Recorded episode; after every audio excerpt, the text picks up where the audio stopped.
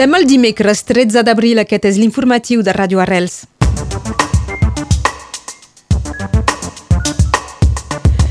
La justícia no ha pogut identificar l'origen de la contaminació de l'aigua de Taltaúi l'estiu 2020. Unitat Catalana crida votar Macron per la segona volta i anuncia que participarà en les eleccions legislatives.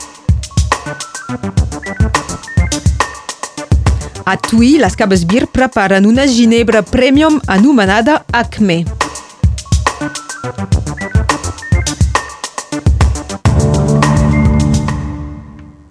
Inversió important per l'empresa EcoCup del Bolú, especialitzada en els gots de plàstic reutilitzables.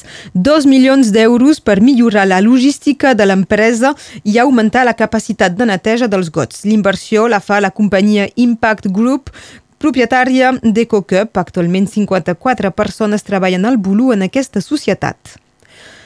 A Taltaúi, la justícia no ha pogut identificar els responsables de la contaminació de l'aigua potable del poble l'estiu del 2020.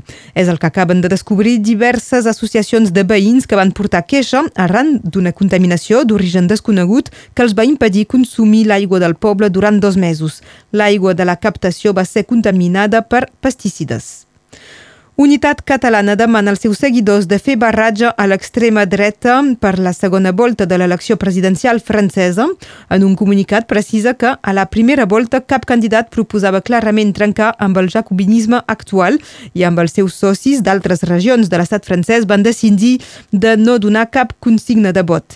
D'altra banda, el Partit Catalanista Històric de Catalunya Nord afegeix que participaran activament a les eleccions legislatives del mes de juny. Les màscares eh, començaran a desaparèixer de les escoles i instituts sudcatalans el dimarts 19 d'abril.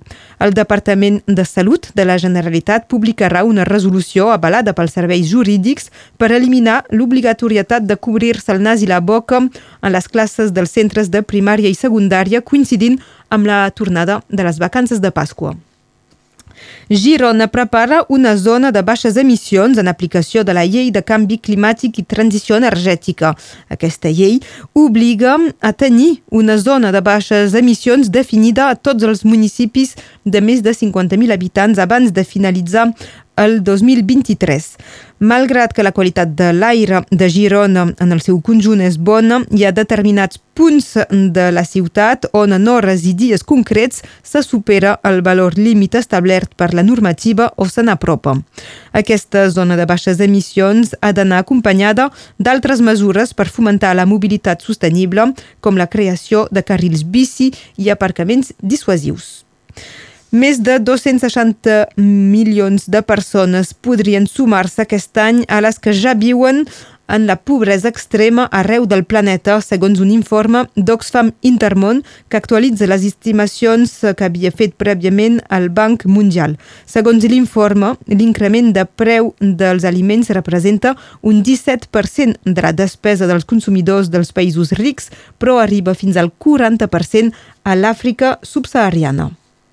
Ucraïna acusa Rússia d'haver fet servir armes químiques en l'atac a Mariupol.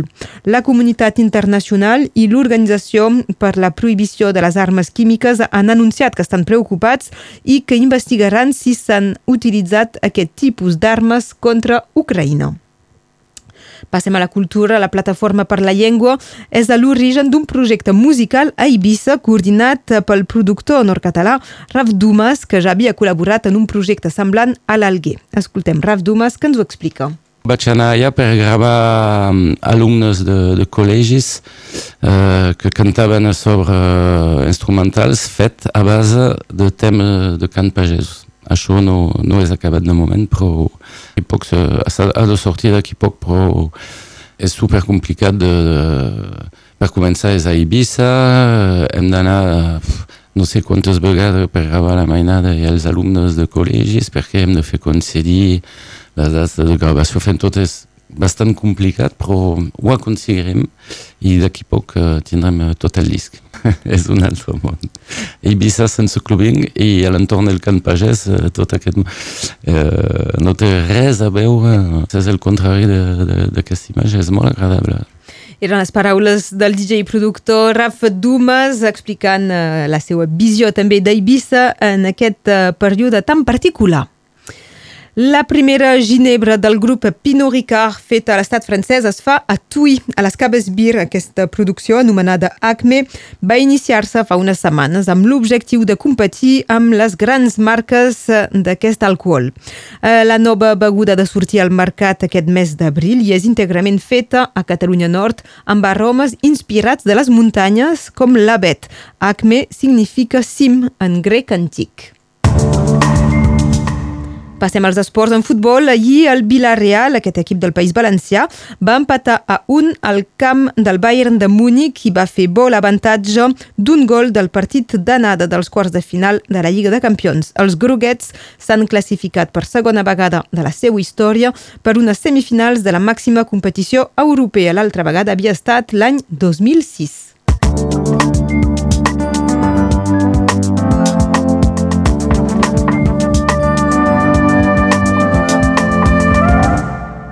Passem ara a la previsió del temps amb l'Enric Balaguer.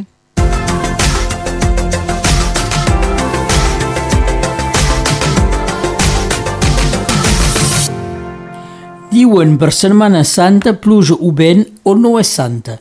Per avui tenim la pujada d'un front de sud i ho confirmem, plou avui sobre tot el territori. Aquest front es troba bloquejat per un vent de gregal, és a dir, de nord-est, i el contacte d'aquests núvols amb una massa d'aire freda provoca precipitacions. No es pot descartar pluja de fang. A la tarda el vent gira a ponent i s'obren clarianes, però cap a Cerdanya i Capcí segueix plovent. La situació marítima és alterada per aquests vents de mar de força 3 a 4 amb onades de 1,80 metre d'alçada. Perdem 2 a 4 graus de temperatura respecte a ahir. 10 a Matamala, 12 a Enveig, 9 a Volquera, 12 a Oleta, 13 a Eus, 14 a Trullàs, Palau del Vidre, Cervera i Seret, 12 a Sant Llorenç de Cerdans, 15 al barri de les Coves a Perpinyà, 14 a Pesià de Conflent, al Fenolledès.